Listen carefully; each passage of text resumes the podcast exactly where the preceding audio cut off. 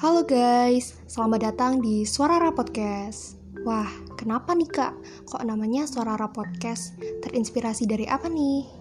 Oke okay guys, karena ini podcast pertama aku, jadi sekalian aja aku mau perkenalan. So, nama aku Rafifa Indra Eshari, tapi teman-teman aku di sekolah, teman-teman aku di kuliah, manggil aku dengan nama Rara.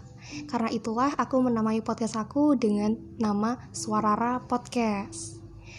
Dan karena aku mahasiswa psikologi, kemungkinan besar podcast-podcast aku selanjutnya akan berbau psikologi juga nih.